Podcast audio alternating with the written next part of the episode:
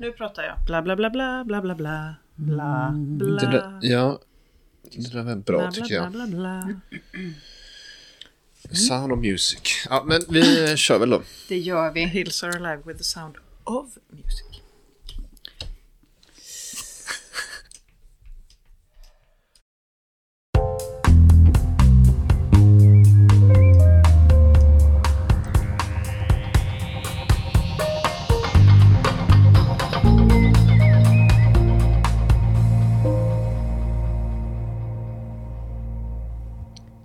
Välkommen till Det gränsar till galenskap. Författarpoddarnas motsvarighet till Murbräckan. Jag heter Martin Engberg. Jag heter Jessica Schiefauer. Jag heter Elin Bordy. Och jag heter Mattias Hagberg. Det finns böcker och så finns det böcker. Litteratur som inte bara kräver något av oss intellektuellt utan även fysiskt. Då tänker jag såklart på tegelstenarna. Ni vet de där väldiga romanerna som breder ut sig över hundratals, ja, ibland kanske tusentals sidor. Och som tar tid och energi att närma sig. Och som samtidigt lovar något åt oss som ger sina timmar och dagar. Men vad är det egentligen med de där texterna, de där väldiga texterna? Varför lockar de? Eller gör de verkligen det? Själv så har jag alltid haft en sorts eh, hatkärlek, kanske man kan säga, till det här väldiga formatet. En sorts fascination inför texter som kräver engagemang, tid och kraft att läsa och som ibland kanske även behöver avkodas för att man ska kunna förstå dem. Liksom en sorts livslångt engagemang emellanåt. Men jag undrar därför hur det är med er. Hur känner ni inför de här stora, tunga, pretentiösa litterära verken? Elin, du sitter här och flinar nästan. Nej då, jag sitter och introspekterar. Ehm, ja, men alltså det är väl något dubbelt. Eh, jag kan ju höra mig själv som bibliotekarie säga, när man pratar om böcker, har har du läst den där eller har du läst den där? Nej, men den är ju så tjock. Men det är ju utifrån någon sorts, att ens tid är så begränsad och hur ska man hinna läsa allt man vill. Det finns ju verkligen en sån aspekt. Och samtidigt håller jag med dig om det här att det finns något härligt i bara själva volymen. Jag älskar att titta på alla tjocka böcker i bokhyllan. Liksom, som blicken fastnar på när man står där och tittar. Liksom. Den tjocka och den tjocka. Det är ju något Och vad är det? Ja, vad är det? Men är det inte liksom maratonloppet jämfört med joggingturen på något vis? Att Mm. det där tog jag mig igenom ändå. Och Att det finns ett inslag av bedrift i det. Ja, Liksom. kanske. Ja. Men Mattias, du smög in ordet pretentiös i detta. Är det liksom, är en bok per automatik pretentiös för att den är över 300 sidor? Jag tänkte nog inte bara på tjockleken utan jag tänkte även på de här liksom böckerna som är både tjocka och som kanske är väldigt komplexa och som har använder sig av ett avancerat språk eller ett språk som liksom på något sätt utmanar konventioner och sånt där. De här som, som liksom alltid räknas upp på spaning efter en tid som flytt eller Ulysses eller något sånt där. Och det, är- och det är de böckerna som du dras till liksom? När det gäller Ja, men eller jag, har, jag tror jag har en sorts hatkärlek till dem. Så jag både dras till dem och sen så undrar jag lite grann varför jag dras till dem och tycker också kanske att eh, varför ska jag lägga så otroligt mycket tid på detta? Men jag kan inte riktigt låta bli. Det finns någon sorts fascination. Och som jag inte riktigt själv kanske kan förklara varför. Så det är därför jag ville att vi skulle prata om detta idag. Så jag ville ha lite hjälp helt enkelt. kan ni hjälpa mig? jag, nej men allvarligt talat, jag har ju till exempel den här boken med mig. Eh, Gravitationens regnbåge av Thomas Pynchon. Som jag har lagt så sjukt mycket tid på. Och både läsa och, och eh, liksom avkoda. Eh, jag tog även med mig som jag har liksom så här, en lika tjock bok som heter The Gravity's Rainbows Companion. Aha. Som är liksom Alltså en en, bok, en bok där, man, där, man, där det på varje jäklar. sida finns liksom förklaringar. För de behöver man för att kunna förstå boken. Ja. Dessutom så finns det en Gravity's Rainbows Companion Companion. som tar upp allting som är problematiskt med, Med med Companion. Companion. Okej. Helt Det- enkelt. Allting som är fel i den, allt som behöver förklaras för att man ska förstå den här. Och jag blir ju... Och då, då börjar jag ju ana på något sätt att här, jag är ju missbrukare liksom. Varför sysslar jag med detta? Men det måste ju också vara en dröm som barn, författare. varför tar jag inte hand om dem istället? Liksom? Men vilken dröm som författare att skriva något som får en guide med en guide med en guide med en guide och så vidare. Alltså jag blir ju oerhört nyfiken på hur stor del Pynchon själv har haft i Companion och Companions Companion. Jag gissar på ingen alls. Det är väl Nej, ingen som vet vem han är. Vad sa du? Det är väl ingen som vet vem han är. Nej, han är ju väldigt hemlig. Eh, och, men man ska väl Och det också har ju tänka... såklart bidragit till, Till att man det, måste liksom, göra det detta, finns en ja. sorts mystik kring hur böckerna ska tolkas. Och eftersom han inte svarar på någonting och man knappt ens vet vem han är så finns det ju en möjlighet att liksom bygga vidare på allting. Det kanske är så här han menar, eller det kanske är så här han Mm. menar. Och det blir ju en sorts så här litteratur som pussellösande liksom. Eller som, som en labyrint man ger sig in i där man ska man måste liksom avkoda Mm. saker och ting. Och jag, på något sätt så kan det tilltala mig.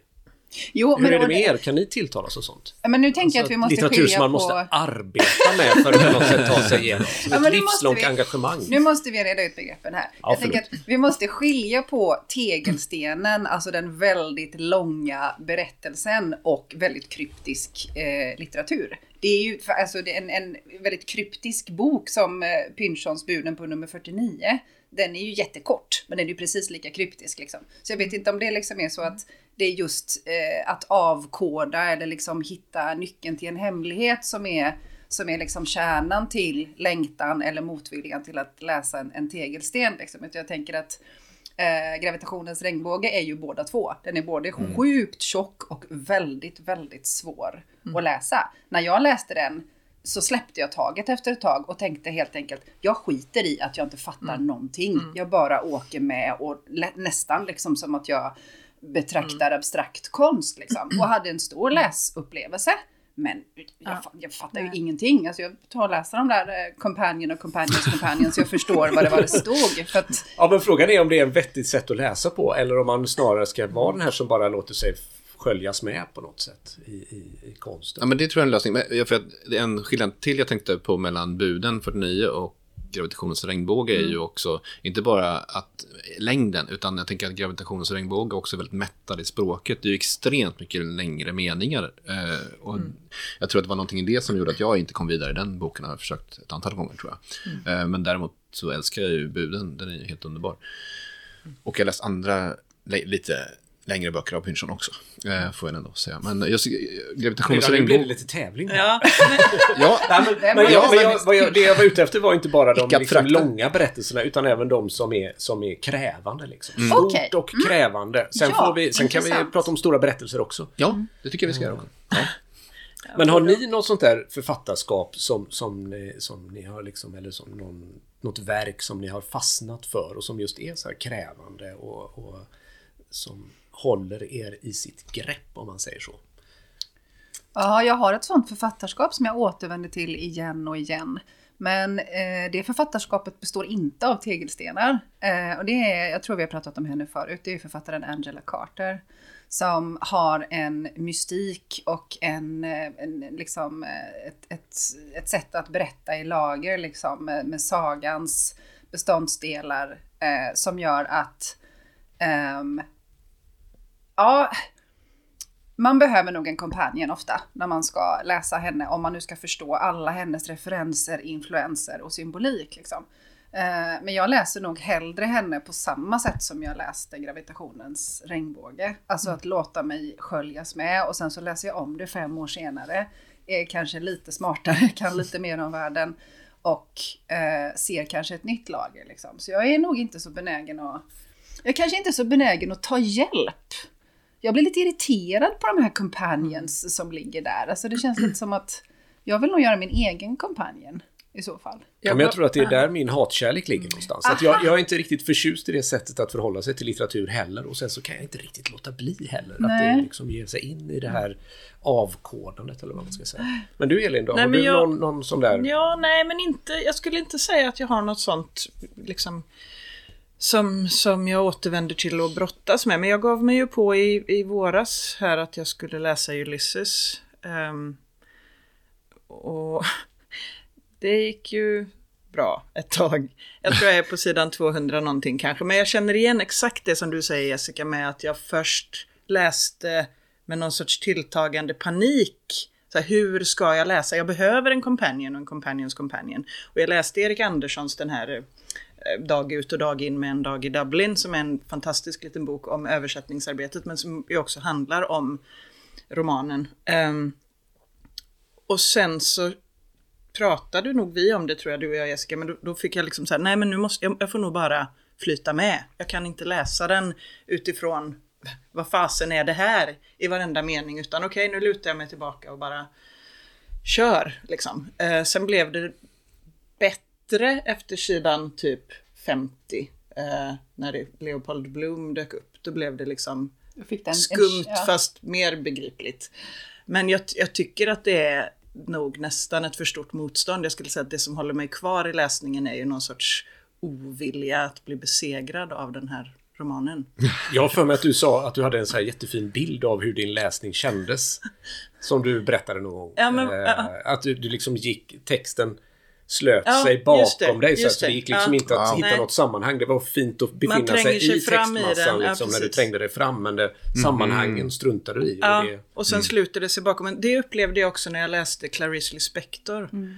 Hon har ju skrivit väldigt, väldigt Ja. tunna böcker. Men där var det liksom så här. Jag läste det men det var som att det bara försvann bakom mig. Och det, det var frustrerande. Det skulle, där skulle jag också behöva en companion tror jag. Men, men det är ju inte tegelstenar riktigt.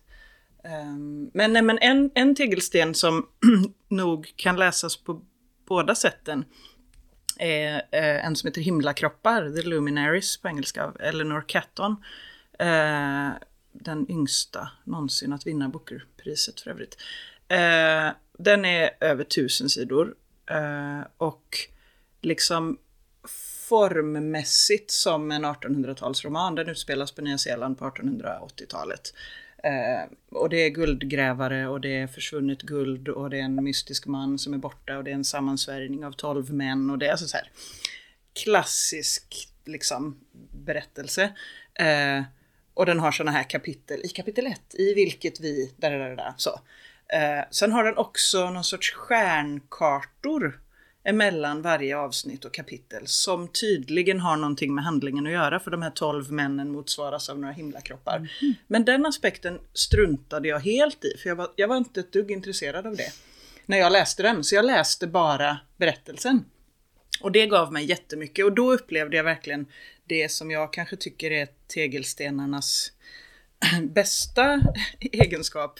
Den här liksom lyckliga känslan när man tränger in och tränger in och tränger in och läser fler och fler sidor. Och det är fortfarande skitmånga sidor kvar. Och man är i en berättelse som bara växer och växer och vecklar ut sig.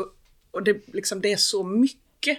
Sen har hon ett roligt grepp också som är att hon bryter mot den här 1800-talsformen genom att allt eftersom kapitlen går, det finns någon matematisk längd på kapitlen också som man inte behöver bry sig om. Eh, de blir kortare och kortare kapitlen. Och hennes kapitelinledningar blir längre och längre. Så det sista kapitlet är kortare än den kursiva kapitel C i vilken vi, och då håller den på i flera sidor, sen är kapitlet bara några rader. Från att det första kapitlet då är kanske hundra sidor. Så, så hon gör, alltså, men, den, men det, där är det ju det här att man bara, det är så mycket värd att finnas i. Det tycker jag är härligt. Här blir jag nyfiken på tillkomsten av den sortens tegelsten. Alltså utifrån något så här författarhantverksperspektiv. Um, jag tänker mig att det är ganska vanligt att man, eh, om man, om man ska skriva en så stor och så lång historia, att man som författare behöver konkreta saker att hänga upp det på. Till exempel en stjärnkarta. Till exempel en matematisk, ett sätt att liksom matematiskt utveckla kapitlen. För att annars så går man själv vilse i arbetet. Eh, Och en personlig sekreterare. en personlig sekreterare, om man har råd med det, det är ganska ovanligt. Men vissa av oss har ju det. Eller hur var det nu? Hur många Ja. av oss har personliga sekreterare? Men hur, hur har, det, har ni själva någon gång liksom velat skriva i det riktigt, riktigt stora formatet? Att liksom Alltid. Ta sig på ett sånt där jätteprojekt. Du, du är alltid så Jessica. Ja, men det... Ja, men jag jag har också tänkt på så här, ska man göra skillnad på en tegelsten som då är en historia, en jättelång berättelse och de här sviterna eh, som är kanske en, två, tre, fyra, fem romaner som handlar om samma liv eller samma släkt. Liksom. Kristina Sandbergs trilogi om Maj till exempel är ju Tre tegelstenar. Det är tre tegelstenar som tillsammans bildar en hel mur. Ehm, och den typen av skrivande, alltså att berätta en, en släkt, att berätta en generationshistoria, det kan jag känna mig väldigt, väldigt dragen till. Men eh, det ligger inte först i pipeline helt enkelt för att jag vet inte om jag kan. Jag vet inte om jag, om jag mäktar med. Men jag inser att jag tänker ofta i termer av, jag tyckte det var så intressant det här du sa med de stjärnkartorna som du som läsare inte, men du, du har inte så stor behållning av dem. Men jag kan själv känna att när jag tänker på att skriva någonting som skulle vara så vidsträckt så längtar jag först efter någon form av konkret mall att hålla mig till. Att man ska bygga det med några liksom förutbestämda ett förutbestämt system. För att annars så tror jag inte att jag... Jag tror att jag skulle gå vilse liksom i ett så stort material. Uh, och i och med att jag då inte har hittat något system än för ett eventuellt släktepos så jag, jag är dragen till det men jag är inte redo. Tror jag man kan säga. Så i väntan på systemet helt enkelt? I väntan på systemet så, så blir det korta. Ni andra då? Alltså, Martin då? Hur alltså, nu sitter jag bara tänker på det med metoder. Jag vet att någon gång när jag eh, diskuterar på en skrivarkurs, liksom att ja, men, det här med att en roman kan behöva en struktur och hur lägger man upp det? Jag hade någon sån här fråga och så här. Och då var det någon som kontrade med att säga att ja, men Sara Lidman när hon skrev sitt järnbaneepos så satte hon upp liksom en bild på sin släkt och sen skrev hon bara. Liksom. Och ja, eh, på tal om det, för att jag får samma behov av att fundera, ja, men hur gör man en sån stor mm. struktur? Liksom? Mm. Men en annan sak som jag satt och tänkte på nu också, så här, jag hade nog lite grann missat det här med att vi skulle prata om just de komplexa böckerna. För det var inte min första association till, till tegelstenen heller. Och, eh, utan med den här, eh, det som jag dras till är väl kanske liksom det här med möjligheten att få följa karaktärer mm. eh, under ganska lång tid och, och, verkligen se, följa en utveckling. Liksom. Och sen får det ju gärna vara liksom, språkligt intressant också. Eh, jag har till exempel Jonathan Fransons eh, tillrättaläggande bredvid mig som jag tycker är en sån bok. Jag tycker också hans följande bok, Freedom, eh, Frihet, är, är en sån bok. Liksom. Och de är också litterärt, de är olika i sina kapitel och så här, men de annars är de ju ganska berättande och han är ju så här uttalat den så kallade 1800-talsromanen som en förebild när han skriver, att han vill skriva om samtiden, förstår jag som, fast ungefär på samma sätt som Dostojevskij gjorde kanske. Så, så, så, så bra är han ju förstås inte som Dostojevskij, men, men man förstår idén. Um, men sen satt jag och tänkte också på en annan variant, den som, är, eh, som Sandberg gör tycker jag. Eh, att de böckerna blir så omfångsrika, det är ju inte egentligen så mycket att vi följer ett liksom, eh, epik som, där liksom med massa förvecklingar och massa karaktärer och så här, utan de böckerna är ju eh, behöver ju det här utrymmet för att de ligger så nära Majs liksom, sätt att tänka liksom, mm. och, och, hur hon registrerar världen och, och boken följer med och registrerar det vardagen, hela tiden. Vardagen, så här. Och, mm. Hon har ju själv pratat om att hon, bågen till den första boken där just liksom är själva, men, att föda ett barn, att hon försökte skriva, se, kan, kan skriva en roman som liksom följer födandets båge på något sätt. Och att det var det som var grundstrukturen för den boken. Uh, en annan sak som jag tänkte på när, hur de är strukturerade när jag läste dem är ju att de bygger mycket på att, ja, men, så här, årstiderna faktiskt. Alltså, så här, ja, men nu var det påsk igen och, då, och sen, det, har, så, så, då, i, i förhållande till, och nu är det jul igen, i förhållande till de där så ser man vad som har hänt med karaktärerna. Liksom, att ja, men nu finns inte sommarhuset kvar längre eller nu är den här personen inte med vid middagen och sådana saker. Mm. Så det, den är ju, är ju en ganska... Så, så ja, men ganska... Den har inte den komplexa strukturen men det blir väldigt långa texter av liksom. Um, men, men har du haft någon liksom, dragning till att skriva i det stora formatet? Ja, men det hade väl gärna gjort någon gång. Uh, men det brukar aldrig bli så riktigt. Du saknar sekreteraren helt enkelt. Ja, jag tror det. Men jag menar, det är ju också intressant Mattias att du är så fascinerad av de här långa romanerna som skrivs så föredömligt korta, korta böcker. Ja. Men jag tror varje, var, min, min process eh, som jag då har i huvudet, eh, som vi har pratat om tidigare, men ja. den börjar alltid med en föreställning om något väldigt stort. Ja. Om, ett, om, ett, om en, liksom en hel mm. värld man ska bygga och det ska mm. bli den här liksom, nu, nu ska jag skriva den stora saken på något sätt. Och sen blir det bara något litet. Sen blir det en tumme kvar. Och så blir det en liksom. tumme kvar. En jävligt bra tumme. Ja, precis. Nej men jag vet inte varför. Vi har liksom någon sån här bild av att det skulle vara så fantastiskt att få liksom men, bara bygga, alltså precis som du säger Elin, det där att det, det i det stora formatet så finns det också den här känslan av att man att man liksom på något sätt det finns så mycket mellan ramarna så att hela världen finns där. Eh, Och att det sticker iväg åt alla håll och sånt där. Och att man inte har kondenserat någonting. Men- nu, nu räcker Ja, Jessica upp sin hand här och måste säga så mycket. men Så varsågod. Elin, Elin vill också säga Nej, jag skulle bara säga, jag känner igen det Mattias från min, mina processer som inte är inne i huvudet.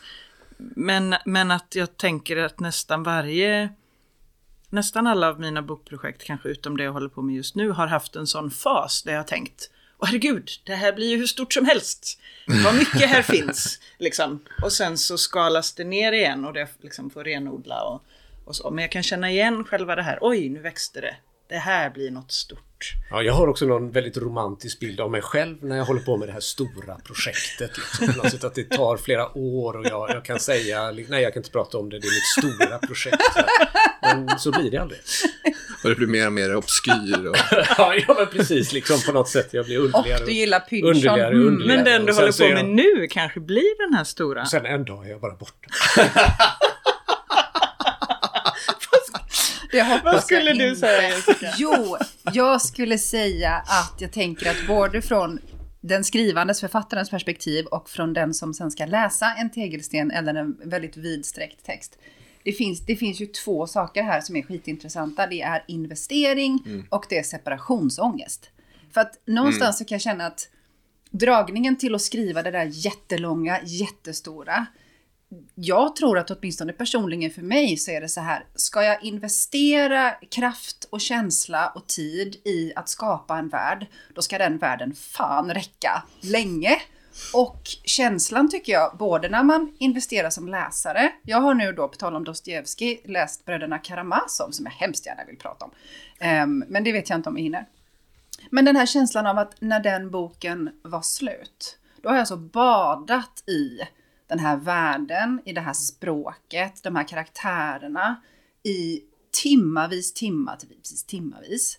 Eh, och när den var slut och jag inte kunde gå tillbaka till den berättelsen, det fanns inte mer. Det är liksom som att stiga upp ur ett vatten när man har badat i all evighet höll jag på att säga. Alltså det känns som att kroppen och verkligheten, allting är annorlunda och det har vissa likheter med att avsluta en relation eller resa långt bort från någon som man har umgåtts mycket med. Alltså det är någonting som, som tar slut liksom. Och den känslan kan jag känna även när jag har skrivit själv. Även om mina böcker inte är jättetjocka så har man spenderat tusentals timmar inne i den här världen.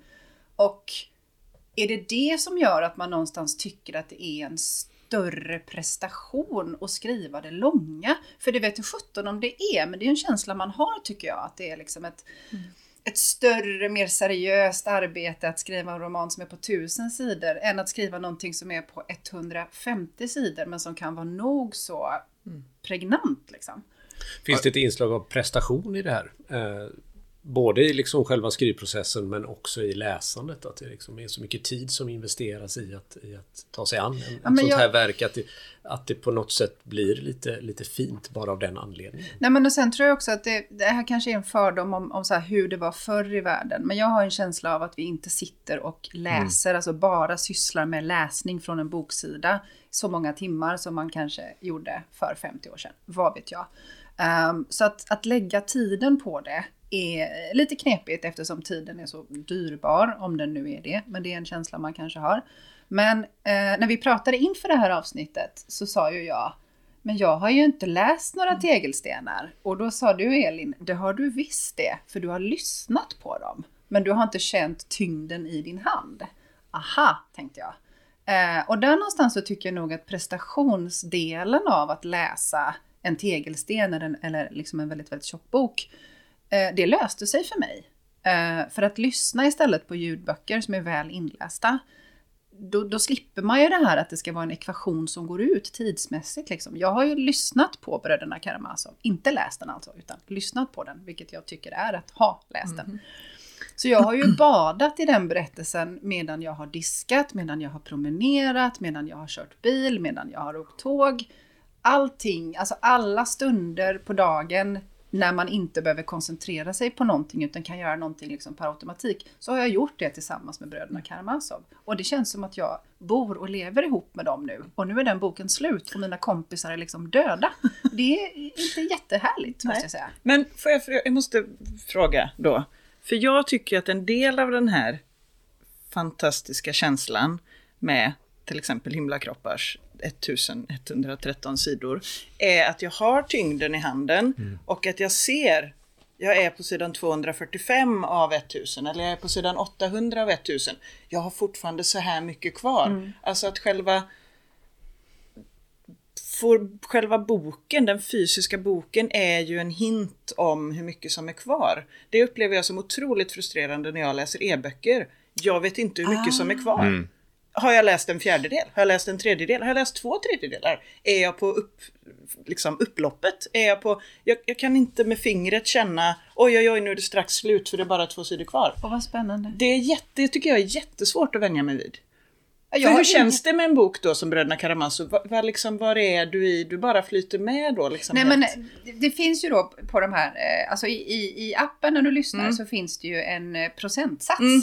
Så då kan man se så här, nu har jag, nu har jag lyssnat på 8%, 12, 15, 25 och så vidare. Ja, men så då, svåromsatt tycker jag. I, i- jag har, det- är jättespännande för att jag har ingen alls känsla av förlust. Nej. Jag tror snarare att det gör mig mera benägen att ta mig an en väldigt lång bok eftersom jag inte ser hur mycket det är kvar. Alltså jag jämför det lite med att springa upp för en brant backe och titta upp mot krönet och se hur långt det är kvar. Om jag tittar ner i marken och inte vet hur långt det är kvar så njuter jag mera av liksom sprinten upp mot toppen om du förstår vad jag menar. Ja, jag förstår precis vad du menar, men jag tycker det är jättesvårt. Jag tycker det är jättefrustrerande. Jag tycker Eller det när är man läser- befriande och tröstande Ja, att inte ja, veta hur långt ja. det är kvar. Ja, men det, jag, jag, är så, jag gillar den där liksom handens känsla av hur mycket som återstår. Men alltså jag tänkte på det här med längden och så här. Finns det inte något drag av liksom Stockholmssyndromet i det också? Att man så här, what? Men det, var lite, det var lite det jag menade. att när- när Gisslantagen När man väl har Ja. lagt så mycket Ja, tid på någonting ja. så, så måste man ju på något sätt tycka ja, att det det var måste ju vara bra liksom. Jag har Eller i alla fall värdefullt på något sätt. Så då får Ja. man liksom hitta något annat Nej, men värde i vet- det. Att, ja, men det var väldigt komplext och, Ja. och viktigt. Ja, men faktiskt. Nej, men där, Eh. Martin, där tänker jag, det är också, förlåt Mattias, nu avbryter jag dig kanske, men, men det där är jätteintressant. Att skilja på, det här måste ju vara bra för nu har jag lagt så mycket tid på det och jag har lagt så mycket tid på det. Fast jag vet att det kanske inte är så bra, men jag kan ändå inte... Alltså det är lite det här, jag tror att det var du som nämnde begreppet sunken cost failure i ja, något jag annat tror att det heter fallacy, insåg jag sen. Okej, fallacy. Ja, sunken cost fallacy. Det vill säga man har investerat så mycket i någonting. Mm. Eh, och man vet inte riktigt hur det kommer att falla ut. Man vet inte riktigt om det blir så jäkla bra. Men man måste ändå någonstans driva det till slut. Men det behöver inte ha att göra med att det, så, att det kanske är så himla bra. Det kan jag känna. Man har gett sig in på det här projektet. Ja, men då får man bara bli Ja. klar med det. För att man står inte ut med att, som vi pratade om i ett annat avsnitt, ge upp. Nej, men precis, men, alltså, jag tycker det där är å andra sidan en positiv, om man får den här liksom Stockholmssyndromskänslan, då, får man ju liksom, då tycker man ändå att det var bra på något sätt. Eh, och- men jag, har haft tillfällen när, jag in, känt mig i gisslantagen av en roman. Och Kan du ge ett exempel? Ja, Ja. jag, precis. För det var en bok som jag satt och tänkte på när du började prata om de här komplexa böckerna som jag kanske skulle ha tagit med mig då i så fall. Och det var eh, en författare som heter Javier Marias som jag har läst en kortare bok av som jag tycker är helt underbar som han utspelar sig på universitetet som nu har jag glömt bort vad den heter. Kanske typ, den heter typ Grå själar, men inte riktigt något åt det hållet. Eh, men den här eh, boken heter Ditt ansikte imorgon och egentligen består av tre böcker. Och i grunden så tycker jag om den så här, idé, för det är en slags spionthriller fast åt det mer psykologiska liksom, så det är som en liksom, det, det påminner rätt, rätt mycket i händelseförloppet med eh, falsk identitet, den här tv-serien som är helt suverän. Men det, ja, det är lite så här, det är som man, ja men gift med Dostojevskij då liksom. Så att det är lite, lite för långa meningar och li, lite för detaljerade beskrivningar och så här, så att man liksom bara känner att det blir, det blir så mycket liksom Och, ta in och, och, och, och ta åt sig. Så, eh, Men kände du också då till slut att du var som kidnappad av boken och var tvungen att, att börja få lite varmare känslor för, för den än vad som kanske var motiverat? Eh, nej, jag fick nog inte riktigt det. Eh, för att jag blev lite irriterad på det. Men det, det jag funderade på var väl kanske om den hade fungerat bättre i, om den hade kommit i tre delar istället för en superpacke liksom, på 100, 1500 sidor eller vad det var. Eller 1100. Men Jessica och Erik, vad säger ni då? Har ni någon sån här bok som ni lite har blivit tagna som gisslan av och som ni kanske känner att ni har lagt så mycket engagemang på så att ni måste tycka om den? Ja, men jag, det, jag, jag tänker att vi kanske faktiskt har Ulysses gemensamt där. För att jag eh, konsumerade den. Då återigen, jag lyssnade även på den. Eh, och hade nog samma känsla av att men då, alltså då har vi också en inläsare som var väldigt, väldigt bra och nu kommer jag inte ihåg Reine vem det är. Ja, tack så mycket. Det är Reine Brynolfsson som läser den. Ehm, och för mig var det också en hypnotisk känsla av att vara i hans röst när han läser den här ganska hypnotiska texten. Så gisslantagen kanske inte är rätt beskriven, men däremot hypnotiserad Av Reine. Av Reine. av Reine och av eh, Leopold Bloom och, och James Joyce. Alltså det var också en form av bad, ett form av vatten där jag kunde känna jag drunknar. Det är ju inte, alltså det är inte otrevligt, men det är också någonting som är... Eftersom det är så pass lite drama om man säger så. Så pass lite story, i alla fall i det man känner medan man läser. Jag tycker storyn är ju någonting som syns efteråt när man har tagit sig igenom Ulysses. Liksom. Och att vara i det här badet är ju, alltså jag vet inte om ni, om ni så här på den tiden när man flög fortfarande, flög till platser. Och så skulle man byta på en flygplats och så var nästa flyg försenat.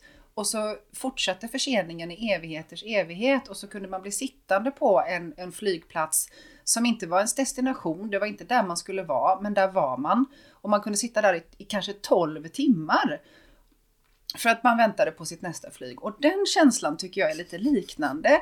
Jag är här, jag kommer alltid vara här, jag kommer aldrig vara, komma härifrån. Och då har man det man har liksom. Då har man de som säljer croissanter där och så har man en smyckesbutik som man har gått och tittat i åtta gånger. Och man återbesöker de här miljöerna för att det är liksom, man är på den platsen och man kommer inte därifrån.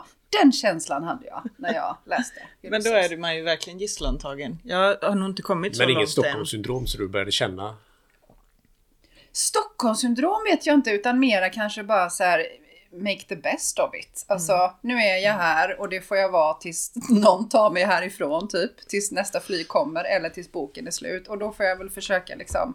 Jag går och Ja, luktar på lite fler, fler parfym. Exakt så, precis Nej, det men jag, det är nog en yrkesskada eller motsatsen till skada. Men jag, jag är jättebra på att sluta läsa böcker som jag inte gillar. Men Elin, jag tänkte, kan inte du säga någonting om de böckerna du har framför dig? Eh, Eh, och Du menar de de är här de här? tre tegelstenarna? Ja, du har både... Ja, jag har Jan Två författarskap har du ja, framför dig. Ja, jag har Jan Kärrstads trilogi om Jonas Wergeland. Förföraren, Erövraren och Upptäckaren och de är väl 500 sidor styck.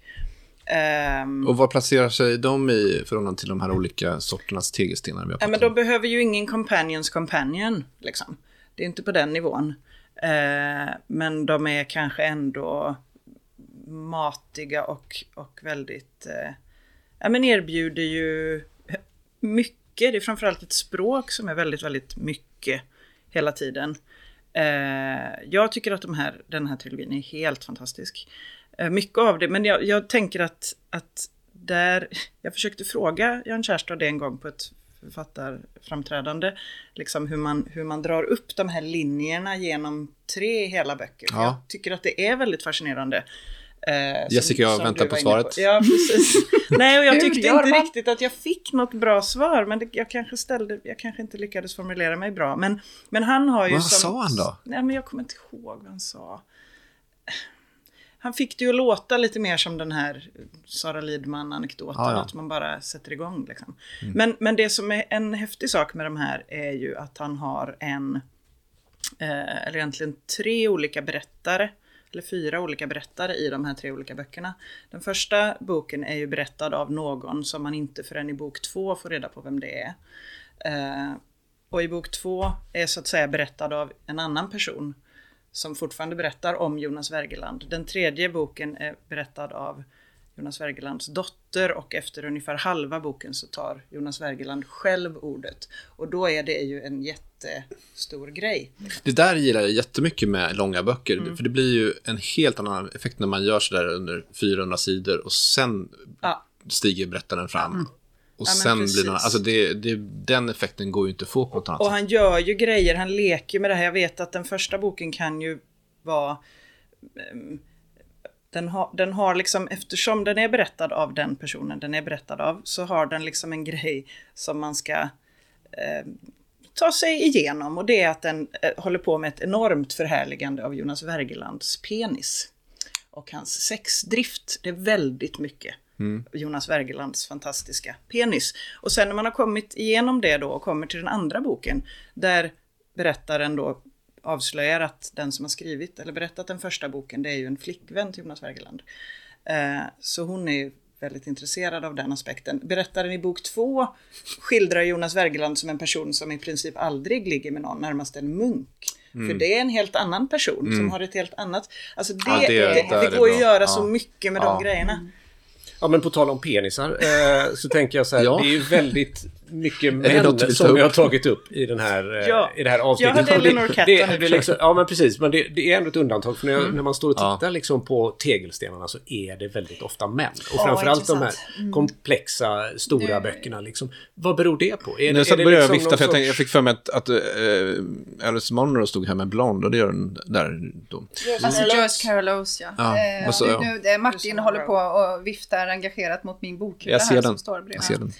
Och då kan jag säga om, om Blond, eh, Joyce Carol Oates eh, roman om eh, Marilyn Monroe, typ fiktiv. Mm.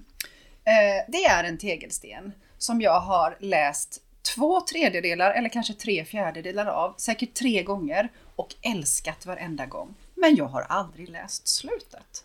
Det är någonting där som gör att jag tappar intresset eller orken någon gång efter ja, men 70% av den boken. Någon som kan är det någon som har läst den? Nej, men så är det Är lite det är med våran, med våran podd också. Att nu har vi hållit på ganska länge och för att inte folk ska Men- tappa men- orken men- så är det dags att Nej, vänta, sluta. vänta. Jag tänkte, att, så jag tänkte också kvar. så här att du hade Tukashik liggande där också. På tal, men just på tal om det här, men nu har vi pratat om att just om det handlar om att det mest är män som skriver. Skulle du säga att hon ger sig in i en manlig genre? Hur många minuter är Författarpoddens motsvarighet till Tegelstenen undrar jag. Kör på, kör på Mattias. Ja, ja, vi håller på i Ja, två ja, timmar till åtminstone. Jag tycker Och sen så håller jag upp Hillary Mantel här som ett Ja. Ja. krucifix. Ja, nej, nej, det, var, det var ju såklart en... en Försvara dig. Ska jag försvara Det är ju så. Det var Elin som började prata om penis. Du ville bara få säga på tal om penisar, eller hur? ja, Det är eller hur? en Ja, fantastisk men mening. Precis, jag tyckte det var en så fin övergång. Så nu ska inte du förstöra. Men den Nej, här, nej, var den här tegelstenen, Mattias, den är jag nyfiken på. Olga Tokarczuk. Tokarczuk. Jakobsböckerna. Ja, Men den, den är ju både liksom komplex och väldigt lättläst. Den här kan man liksom eh, bada sig igenom för att använda den metaforen. Man kan simma, det är liksom som ett som ett skönt bad i en eh, sommarsjö, skulle man kunna säga. Samtidigt som den är oerhört liksom, invecklad med mängder med karaktärer och eh, kröniker och böcker och dikter och, och bilder och sånt som är i här. Och den handlar alltså om, om eh, Polen på 1700-talet. En judisk väckelserörelse, en sorts sekt. Eh, En man som heter Jakob Frank som fick med sig runda slängar 50 000 personer liksom, i en sorts föreställning om att han var Messias helt enkelt, som hade kommit. Eh, och det här tyckte katolikerna och den polska liksom, makthavarna var väldigt bra för de såg det som ett sätt att splittra den judiska gemenskapen. Då. Att det, här, det här var en sekt som på något sätt ställde sig någonstans mitt emellan kristendom och judendom och så. Eh, men ja, det är en helt fantastisk bok tycker jag. Men den, är också, den, den kan man verkligen bada i om vi ska använda den, den metaforen. Liksom. Får jag lov att nämna, förlåt, Ja. ehm, ja, jag tycker nog att vi kan ta lite mer tid när vi pratar om tegelstenar. Eh, får jag lov att nämna en eh, tegelsten av en annan kvinnlig författare som är en bok om att misslyckas med att skriva en bok. Eh, nämligen Den femte sanningen av Doris Lessing. den är. Eh, som är ett antal anteckningsböcker i vilken en författare eh, så att säga tampas med och, och misslyckas med att efter ett havererat äktenskap så har hon bestämt sig för att hon ska skriva en stor roman, på tal om tegelstenar, om fria kvinnor. Och i de här anteckningsböckerna så, så har vi hennes, liksom, hennes eh, kamp med och reflektioner kring eh, huruvida hon är fri eller inte fri. Och om hon inte är fri, vad är det som håller henne fast? Och vill hon egentligen vara fri? Och sen så är det en, ja men det är ju en dagboksform och det innehåller även samtal med en terapeut. Och allt detta tillsammans är eh, en jätteroman. Jag vet inte på hur många sidor det är för jag har den inte här.